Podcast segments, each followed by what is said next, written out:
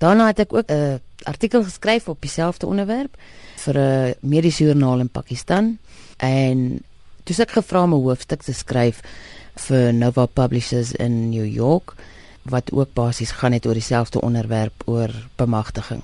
Daai boek se naam was Advances in Psychology Research. En toe het dit gekom by die boek. Wie het vir jou gevra om 'n boek te skryf? Lambert Publishing Company in Duitsland. Hulle het my gevra om 'n boek te skryf oor hierdie onderwerp na hulle my artikel gesien het in die Lancet joernaal. Nou, wat behels hierdie boek? Wat is bemagtiging? Bemagtiging as jy regtig daarna kyk is vir iemand iets kan gee, vir hulle kan krag gee om dinge vir hulle self te doen.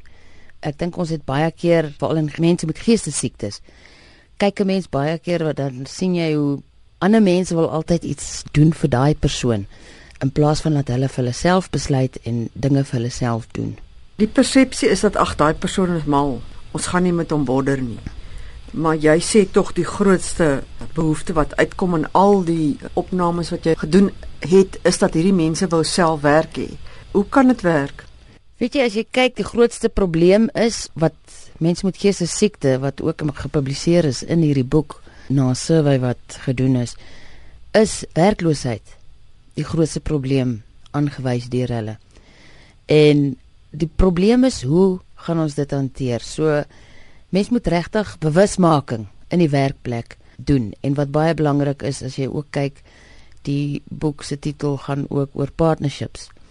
So dan moet regtig 'n partnership met die corporates gedoen word en die hoof sleutelpartner in geestesgesondheid moet wees 'n persoon met geestesiekte want ultimately is hulle die experts op die veld. Net hulle weet wat hulle nodig het en hoe dinge kan werk vir hulle.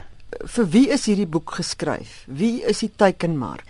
Die teikenmark vir hierdie boek is definitief die gemeenskap daar buite as ook selfs mense in die mediese veld en ook in die werkplek.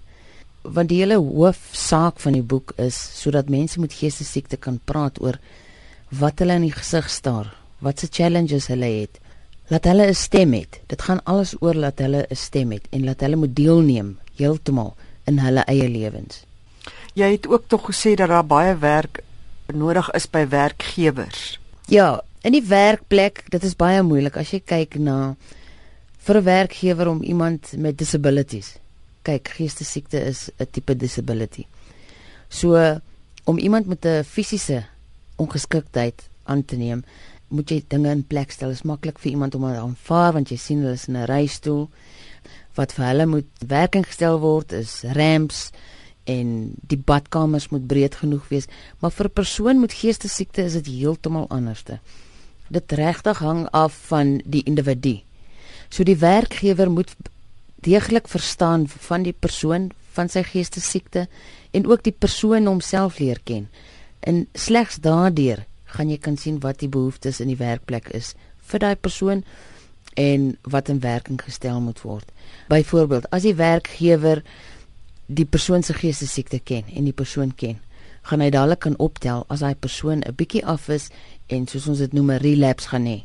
Want dit is baie belangrik, die vinniger jy die relapse optel, hoe vinniger is die recovery daarna. En hoe makliker is dit vir daai persoon om aan te pas in die werkplek.